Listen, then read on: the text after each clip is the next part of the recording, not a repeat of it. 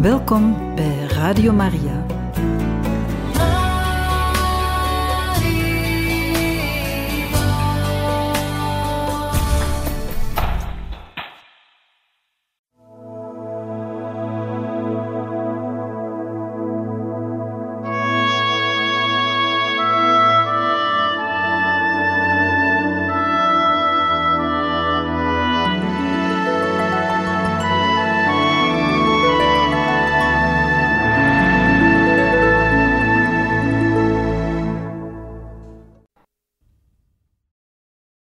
Het moederhuis kwam tot stand aan 54 Lower Circular Road, later gewijzigd in AJC Bose Road, en was gelegen op 10 minuten van de parochiekerk van Sint Teresa en op 20 minuten van het huis Gomes.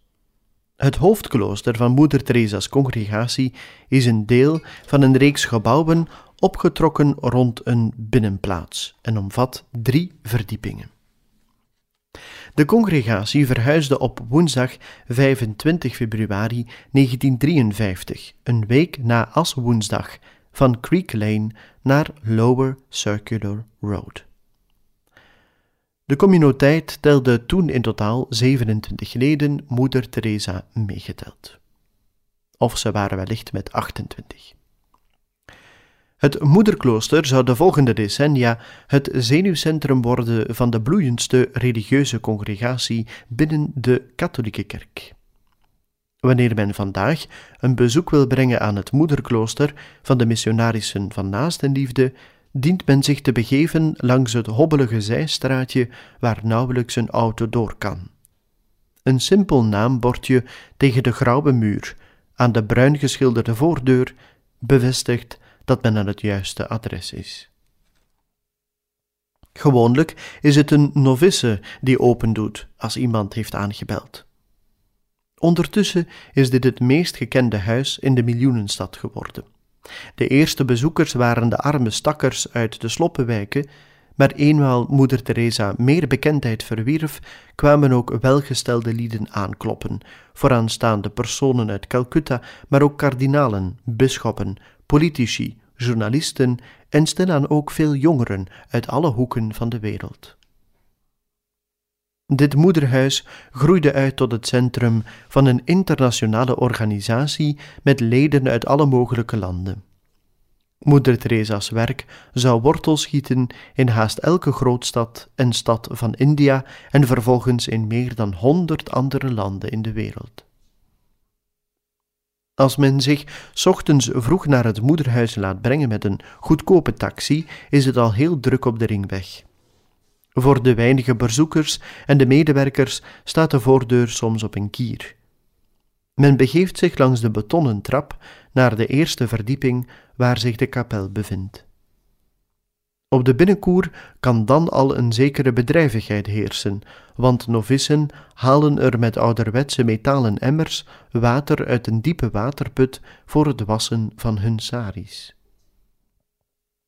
De kapel is een rechthoekige ruimte, zonder versiering, met de vensters gericht naar de straatkant open, zodat de lawaaierige drukte van de Lower Circular Road er de Eucharistieviering voortdurend verstoort. De religieuzen knielen en zitten neer op eenvoudige tapijten, matten van jutte die de vloer bedekken. Er zijn nog stoelen, nog banken, maar in de rechterhoek staan enkele lange banken tegen de muur voor een tiental van de aanwezige bezoekers en medewerkers. Zoals in een tempel of moskee laat iedere bezoeker zijn schoeisel buiten de kapel. In het midden van de gebedsruimte bevindt zich een eenvoudig altaar met daarnaast een groot beeld van Maria, dat werd meegebracht uit het huis aan de Creek Lane en altijd versierd is met verse bloemen. Op zondag 12 april 1953, beloken Pasen, had een bijzondere plechtigheid plaats in de kathedraal van de Allerheiligste Rozenkrans te Calcutta. Moeder Teresa legde haar eeuwige geloften af, en tien van haar zusters, allemaal oud-leerlingen van haar, legden hun eerste of tijdelijke geloften af voor de duur van een jaar. Er waren toen ook tien leidende medewerkers onder de bezielende leiding van Jacqueline de Dekker. Moeder Teresa had haar over die toch wel bijzondere medewerking geschreven op 13 januari 1953. Het doel van de missionarissen van naastenliefde was de dorst van Jezus aan het kruis te verzadigen door te ijveren voor de redding en de heiliging van de armen in de sloppenwijken. Om zijn dorst te lessen was er een kelk nodig. Zij en de anderen die leden, mannen, vrouwen en kinderen, jong en oud, arm en rijk, waren allen welkom om deze kelk te vormen. In werkelijkheid, al dus moeder Teresa, kon zij meer doen terwijl ze op haar bed lag, dan zij zelf die overal kon rondlopen. Ze konden samen, zij en Jacqueline, iets geweldigs doen in hem om zich sterker te maken. Voor de leidende medewerkers waren er geen geloften, tenzij sommigen daartoe toestemming verkregen van hun biechtvader. Het enige wat ze dienden gemeen te hebben was de geest van de sociëteit, totale overgave aan God, liefdevol vertrouwen en volmaakte blijheid. Daardoor zou Jacqueline de Dekker gekend zijn als een missionaris van naastenliefde. Al wie dit wenste te worden, een drager van Gods liefde, was welkom. Moeder Teresa wou ten zeerste dat de lammen, kreupelen en ongeneeslijke zieken zich aansloten. Zo zouden de zusters elk iemand hebben om voor hen te bidden, te lijden, aan hen te denken, naar hen te schrijven, een tweede ik, een second self. Er was bij de congregatie van Moeder Teresa een toename van het aantal kandidaten, net als in de beginperiode van de kerk. Met meer leden kon men het liefdewerk uitbreiden en diversifiëren. Moeder Teresa's sociëteit had een universeel karakter door haar deelname aan de universele zending van de kerk. Uit alle delen van India kwamen jonge kandidaten de rangen versterken. Er werd steun verleend door de aartsbisschop van Calcutta, door veel priesters en religieuzen, door de eerste minister van de deelstaat West-Bengalen, tal van vrienden, zowel christenen als niet-christenen, uit India, door dames uit Amerika en Groot-Brittannië en zoveel meer.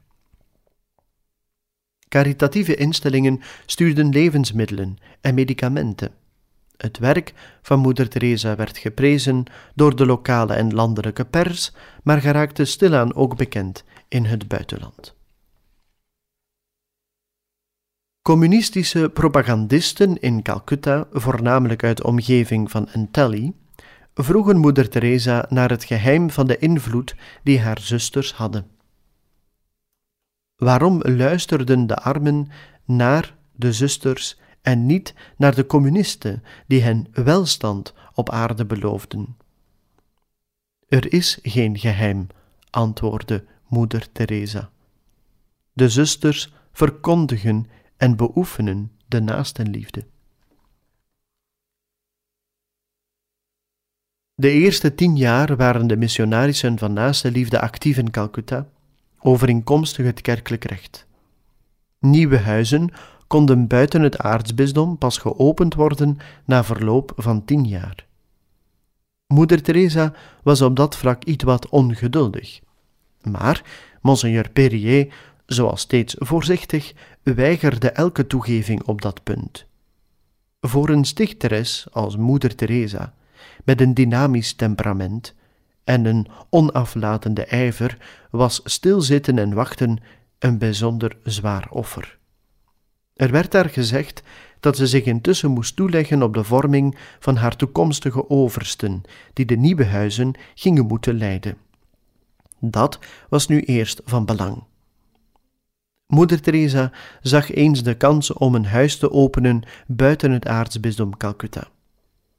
Het aanbod kwam van pater Edmund Harrison, een jezuïet die heel wat kandidaten uit Chotanagpur naar Calcutta wist te sturen. Hij was van 1947 tot 1952 missionaris en vervolgens op een andere plaats, waar hij voor een huis zorgde op zijn parochie, met tuin, waterput en al hetgeen de zusters nodig hadden. Hij nodigde moeder Teresa uit om er te komen werken. Zij vroeg de toestemming aan monseigneur Perrier om dit aanbod te mogen aanvaarden, maar hij kon dit niet toestaan. Harrison was ontgoocheld, maar hij zou moeder Teresa blijven helpen. De novicen van moeder Teresa's congregatie waren zeer gelijkend aan die van andere religieuze congregaties. Ze uiten dezelfde wens om heilig te worden, waren edelmoedig in het brengen van offers en verlangden vurig om de weg der volmaaktheid te bewandelen. De communiteit van moeder Teresa leefde in omstandigheden die haar dicht bij het oorspronkelijke Pinksteren brachten. In hun stichting konden ze Gods hand zien. Ze leefden eenvoudiger dan de bestaande congregaties van vrouwelijke religieuzen in India. Moeder Teresa en haar volgelingen liep, liepen gewoon barrevoets in huis, op de koude grond. De congregatie van Moeder Teresa ondervond vanaf het begin veel medewerking. Daar waren Michael Gomes en zijn gezin de dokters, tandartsen en verpleegsters die haar oproep beantwoordden en hun diensten aanboden zonder tegenprestatie. Ze waren de eerste coworkers of medewerkers. Verschillende dames uit Calcutta wilden ook de zuster helpen. Een Hindoe-vrouw uit een hogere kaste kwam regelmatig de stervenden in het huis van de stervenden bijstaan. De Chinese mevrouw Cater stelde haar auto ter beschikking om zieken op te halen.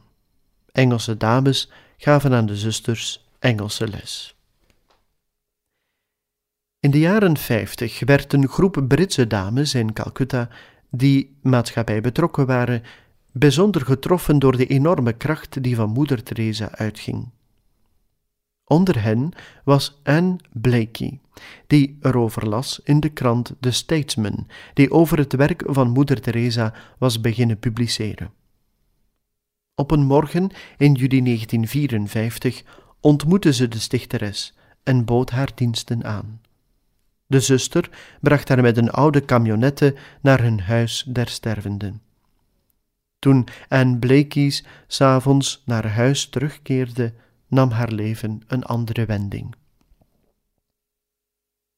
Nog een maand later, op 26 juli 1954, feest van de heilige Anna, moeder van Maria, vormde ze in Calcutta de eerste groep co-workers. Moeder Teresa ontleende de term aan Mahatma Gandhi, die ze ten zeerste bewonderde, hoewel ze hem nooit ontmoet had. Gandhi noemde zijn helpers coworkers. Ze sloten zich bij hem aan om zijn sociaal programma te helpen uitvoeren, ten einde de positie van de vrouw te verbeteren, de melaatsheid te bestrijden, het analfabetisme in te dijken, ten strijde te trekken tegen de verderfelijke instandhouding van de laagste kasten van de onaanraakbaren of onreinen. Zij worden untouchables genoemd. De term coworkers paste zeer goed bij hetgeen moeder Teresa bedoelde. Een vereniging van mannen, vrouwen, jongeren en kinderen van overal ter wereld, behorend tot alle gezinten, rangen en standen.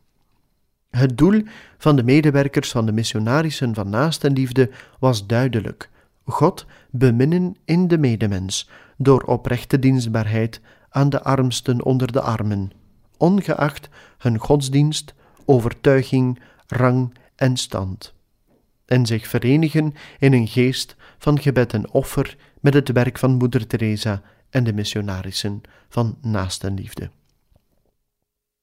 Eens de organisatie van deze eerste groep coworkers te Calcutta opgericht was, werkte men de daaropvolgende maanden hard om bruikbare kleren in te zamelen, ten einde die op kerstmis te schenken aan de kinderen in de sloppenwijken. Na deze actie kwam moeder Teresa de medewerkers danken voor de gedane inspanningen, maar voegde eraan toe dat ze weinig tijd te verliezen hadden. Aangezien Eid en Diwali, het respectievelijke hoogfeest van de moslims en hindoes, voor de deur stonden. De moslim- en hindoekinderen verlangden naar hun deel van de ingezamelde kledij. Sindsdien was er voor mevrouw Blakey geen weg meer terug.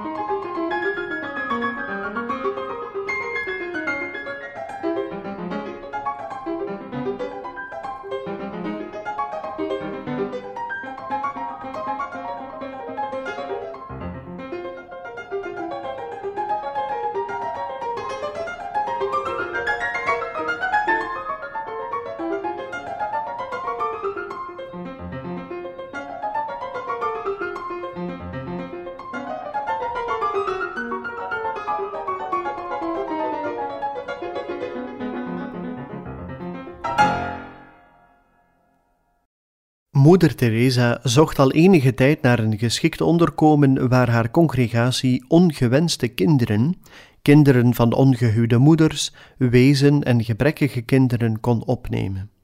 Kinderen die niemand wilde en gehandicapt waren door polio, blindheid of verlamming. Zo werd op 23 september 1955 aan de Lower Circular Road nummer 78, het eerste kindertehuis, of Shishu Bhavan, gestart, met medewerking van edelmoedige weldoeners uit India, Europa en Noord-Amerika. In een gewoon gebouw van twee verdiepingen met een binnenplein en een gaarkeuken zorgden enkele zusters voor de opvang van baby's en andere kinderen die werden binnengebracht. Deze waren soms erg ondervoed en meer dood dan levend. Er werden ook vondelingen gebracht door de politie en private personen. Sommige van die kinderen stierven gauw, maar velen herstelden en werden gezond.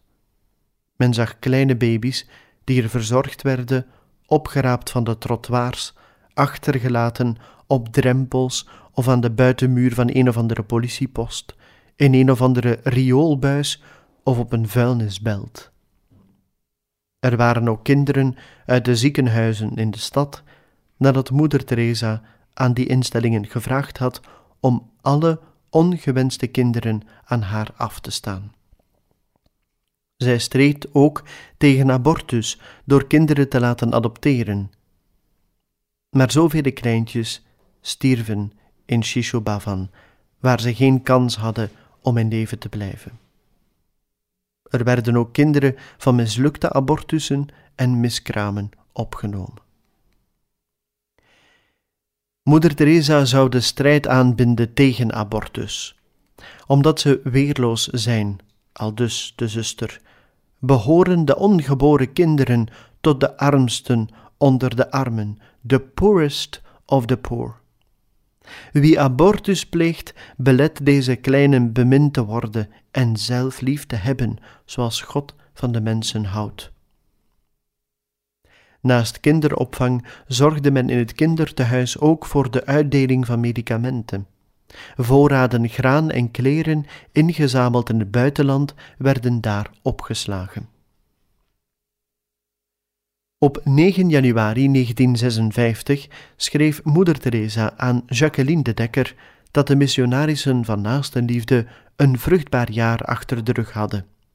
In hun scholen hadden ze 1114 kinderen.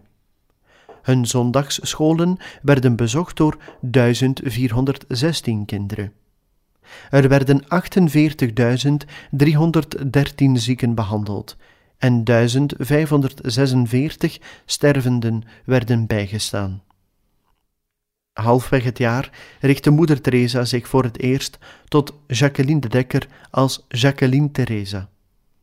Wij vernemen uit moeder Theresa's correspondentie aan haar leidende medewerkster te Antwerpen dat zuster Gertrude derde werd in het kandidaatsexamen geneeskunde en dat zuster Francis Xavier tweede werd in Bengalen in het doctoraal examen. Binnen enkele jaren zou de congregatie haar eigen dokters hebben. De congregatie telde nu al 76 leden. Weldra zouden er nog acht bij komen. Ze waren van overal uit India. Moeder Teresa hoopte ooit meisjes uit andere landen, ook uit Europa, te mogen begroeten. Voor het Melaatsenwerk beschikte zij over een mobiele kliniek die acht centra aandeed. Moeder Teresa wenste te starten met een heuse Melaatsenkolonie. Pater Harrison, die ondertussen pastoor was in het aartsbisdom Ranchi, begon van, vanaf 1956 vanuit deze parochie kandidaten naar Calcutta te sturen. Hij zou er soms tien ineens zenden. Door zijn toedoen kreeg de congregatie van Moeder Teresa een nationaal karakter. Dat bood dan ook mogelijkheden om straks huizen te openen in streken waar Hindi de belangrijkste gesproken taal was. Moeder Teresa had een bijzondere liefde voor de Melaatsen. Ze maakte ooit gebruik van het Gobra Hospital aan de buitenkant van Calcutta. Door de stadsuitbreiding drongen bewoners en ambtenaren van de stadsontwikkeling er bij de hogere autoriteiten op aan om die kliniek te sluiten of te verhuizen, daar men geen leproserie in hun midden wou hebben. Moeder Teresa ging herhaaldelijk naar Dr. Roy, de eerste minister van West-Bengalen, en smeekte om het hospitaal niet te laten sluiten. Maar niet tegenstaande Roy en zijn familie een heel bijzondere waardering hadden voor de non, werd het Gobra Hospital toch gesloten. Omdat het het enige ziekenhuis voor melaatsen was in Calcutta, was de sluiting een zware slag voor de lepraleiders? Waar moesten zij nu naartoe voor hun verzorging? Moeder Teresa is dan maar begonnen met de oprichting van een leprosy clinic elders in de stad, op een volgens haar geschikte plaats. Maar toen ze ter plaatse ging, werd ze opgewacht door een raadslid van de gemeenteraad en een menigte boze bewoners om haar passend te verwelkomen. Van zodra moeder uit haar busje stapte, werd zij gehinderd doordat met stenen werd gegooid. Ze reageerde prompt door te verklaren dat ze geloofde dat God niet wou dat daar zo'n kliniek geopend werd en nodigde haar zusters meteen uit om te bidden in afwachting dat men zou vernemen wat hij van hen verlangde. Het antwoord kwam in de vorm van een ambulance, geschonken door Amerikaanse weldoeners. Moeder Teresa besloot om het voertuig om te bouwen tot de eerste Mobile Leprosy Clinic, een mobiele kliniek om melaatsen op bepaalde plaatsen te gaan verzorgen. Het was aartsbisschop Perrier die in september 1946 het speciale voertuig in Dr. Sen, een vermaard huid- en lepra-specialist, zegende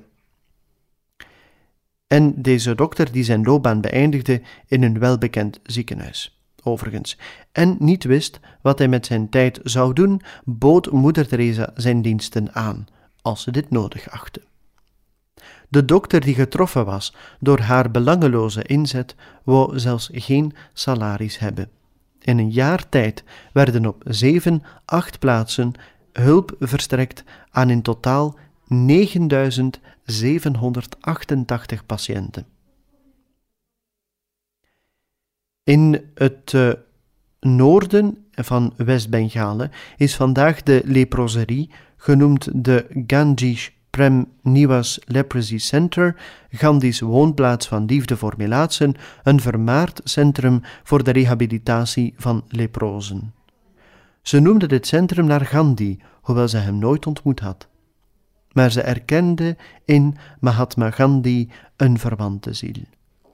Beide huldigden de geest van zelfverloochening en medelijden. Prem Niwas, zoals het kortweg genoemd wordt, is een sprekend voorbeeld van Moeder Teresa's vastberadenheid. Het was er aanvankelijk een bustie van verderf en criminaliteit. Melaatsen woonden er samen in een troep hutten, ontstaan aan beide zijden van de spoorweg, uitgestoten door de bevolking omwille van hun ziekte. De politie kneep een oogje dicht voor dit oord van smokkelen en illegaal distilleren van likeur, zolang de Melaatsen het maar voor eigen gebruik hielden. Men nam er vaak zijn toevlucht tot geweld, en ja, het eindigde ook soms in moord. Sommige Melaatsen uit die industriële voorstad van Calcutta kwamen naar de stad op zoek naar geneesmiddelen, en ze leerden er moeder Teresa's mobiele apotheek kennen. Iedere woensdag stond zo'n mobile dispensary ten behoeve van de lepraleiders in de nabijheid van het Loreto-klooster te Entelli. De missionarissen van naaste liefde verzorgden er iedere week meer dan honderd patiënten. Er werden gratis medicamenten en vitaminen uitgedeeld. Voor de ondervoede patiënten waren er ook de nodige voedselpakketten. Het duurde niet lang eer verschillende gezinnen wekelijks een bezoek brachten aan de mobiele apotheek. De leprozen vroegen tenslotte aan moeder Teresa om voor hen een kliniek ter plaatse te openen.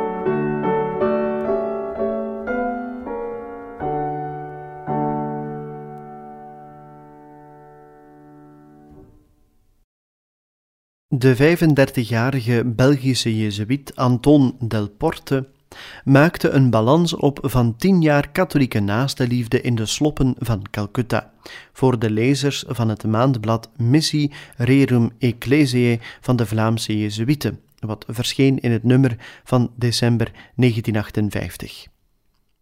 Het was rond kerstmis 1958, tien jaar geleden, dat moeder Teresa haar klooster van Loreto verliet om een nieuwe weg op te gaan.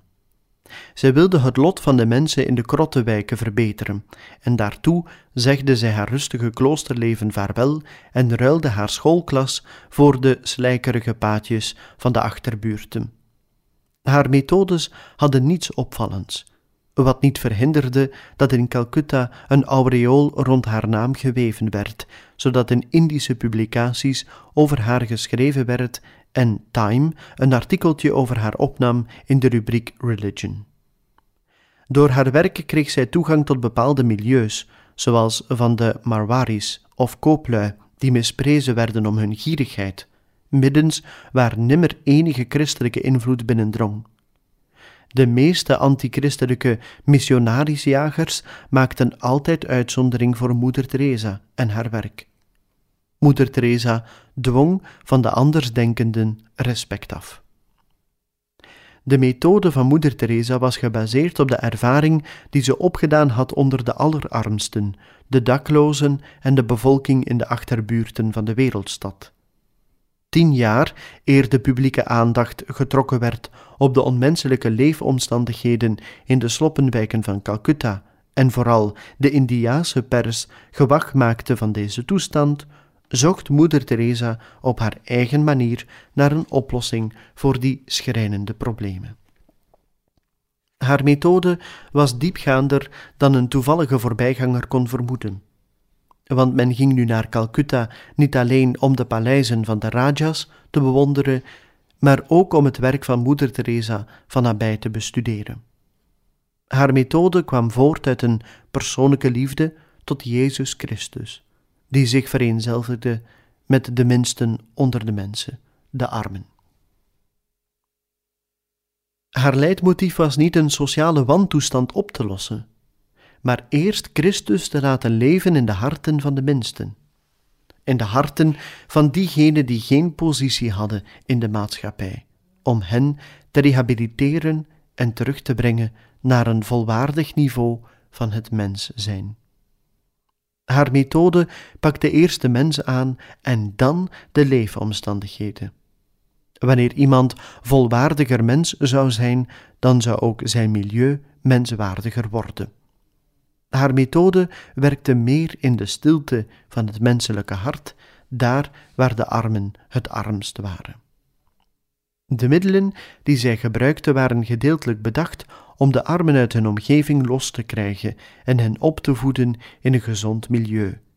De armen dienden gerehabiliteerd te worden opdat ze door eigen werk een beter levenspeil zouden bereiken. Het werk van moeder Teresa liet geen herbouwde sloppenwijken na als een monument ter ere van haar toewijding, maar de dankbaarheid in de harten van allen die in haar armen gerust hadden, was een levend monument voor haar toewijding. Rond kerstmis 1948 kwam moeder Teresa terug naar Calcutta en verscheen voor het eerst in de achterbuurt van Motijel. Zij bukte zich om een krot binnen te gaan, zat gebogen op een omgekeerde kist en begon al dadelijk met enkele naakte of halfnaakte kleintjes te wassen en te verzorgen. Met een vriendelijk woordje nam ze afscheid en ging naar het dichtstbijzijnde huis van katholieken.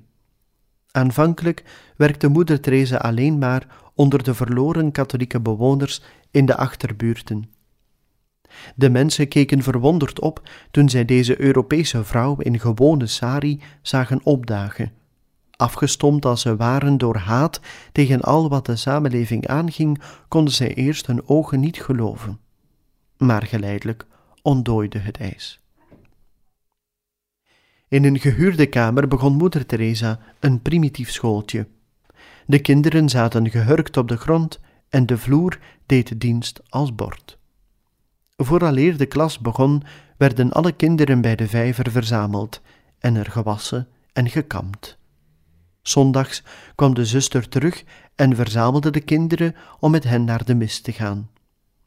Voor diegenen onder hen die niet naar de kerk gingen omdat ze geen fatsoenlijke kleren hadden, bedelde moeder Teresa kledij en schoeisel.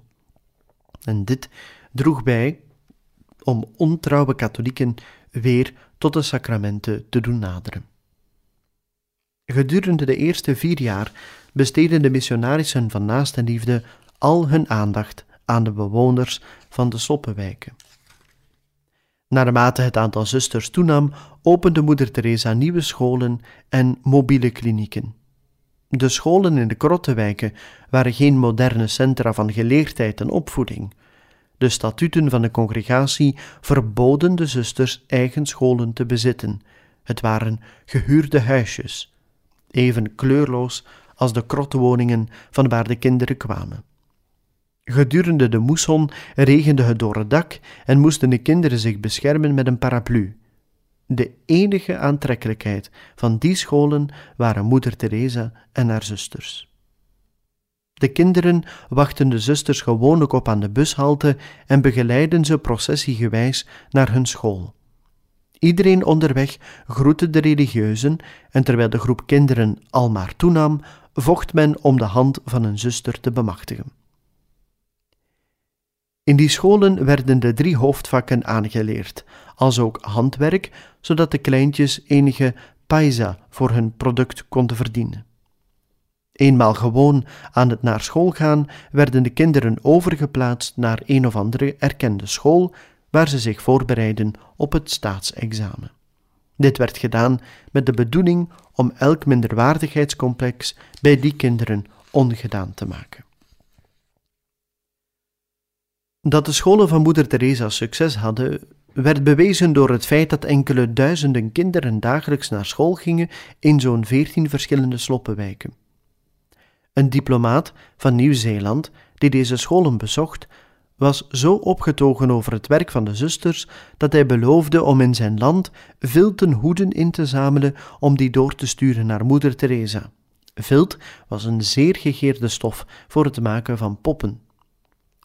Na tien jaar was het een normaal verschijnsel deze gewone zusters met blauw afgeboorde witte sari, met paternoster in de hand, te zien voorbijtrekken in de straten van Calcutta. Na vier jaar apostolaat in de sloppenwijken en eenmaal ingeburgerd bij deze mensen, begon moeder Teresa met een nieuwe vorm van apostolaat. Calcutta was wellicht de stad met het grootste aantal bedelaars ter wereld. Men trof hen aan in elke straat, verminkten, melaatsen en mensen die uitgemergeld waren door tuberculose. Velen onder hen hadden zelfs geen dak boven het hoofd om de nacht door te brengen. Ze woonden onder de bomen, in de parken, in deuropeningen, sliepen onder een kar of gewoon langs de straat. Wanneer hun uitgeteerde lichaam het begaf, bleven ze langs de straat liggen. Sommigen werden opgenomen in de armenzaal van een of andere staatskliniek, maar de meesten stierven op straat, waar ze hun stiel hadden uitgeoefend. Moeder Teresa nam het voor hen op bij het stadsbestuur en vroeg om een gebouw waarin zij deze bedelaars kon herbergen. Een leegstaand rusthuis naast de tempel van Kali werd aan haar toegewezen. Vanaf het begin stroomden de bedelaars binnen. De vrachtwagen van de stedelijke reinigingsdienst bracht hen daarheen. Die arme mannen en vrouwen kregen eerst een warm bad en werden aangekleed. Dan kwam een dokter hen onderzoeken en het nodige geneesmiddel werd gegeven. Vanaf het begin bracht een hindoevrouw voedsel. Moeder Teresa deelde persoonlijk de voeding uit die ze betaalde met haar eigen geld. Andere vooraanstaande dames uit Calcutta deden een flinke duit in het zakje voor het onderhoud van dit tehuis. Van de deelstaat West-Bengalen kreeg moeder Teresa een bedrag ter waarde van zo'n 150.000 oude Belgische frank voor haar werk. Het staatsbestuur van Calcutta gaf een maandelijkse subsidie ter waarde van 10.000 Belgische frank, zo'n 250 euro. Maar moeder Teresa had dubbel zoveel nodig. Dat werd goedgemaakt door middel van aalmoezen en door het genootschap dat in het leven werd geroepen door mevrouw Gupta. Het betrof een dubbele slaapzaal waar mannen en vrouwen op veldbedden lagen. De verpleging werd gedaan door de zusters en vrijwilligers en elke zondag kwamen de vreemde studenten geneeskunde hun vrije tijd besteden aan de verzorging van de stervenden.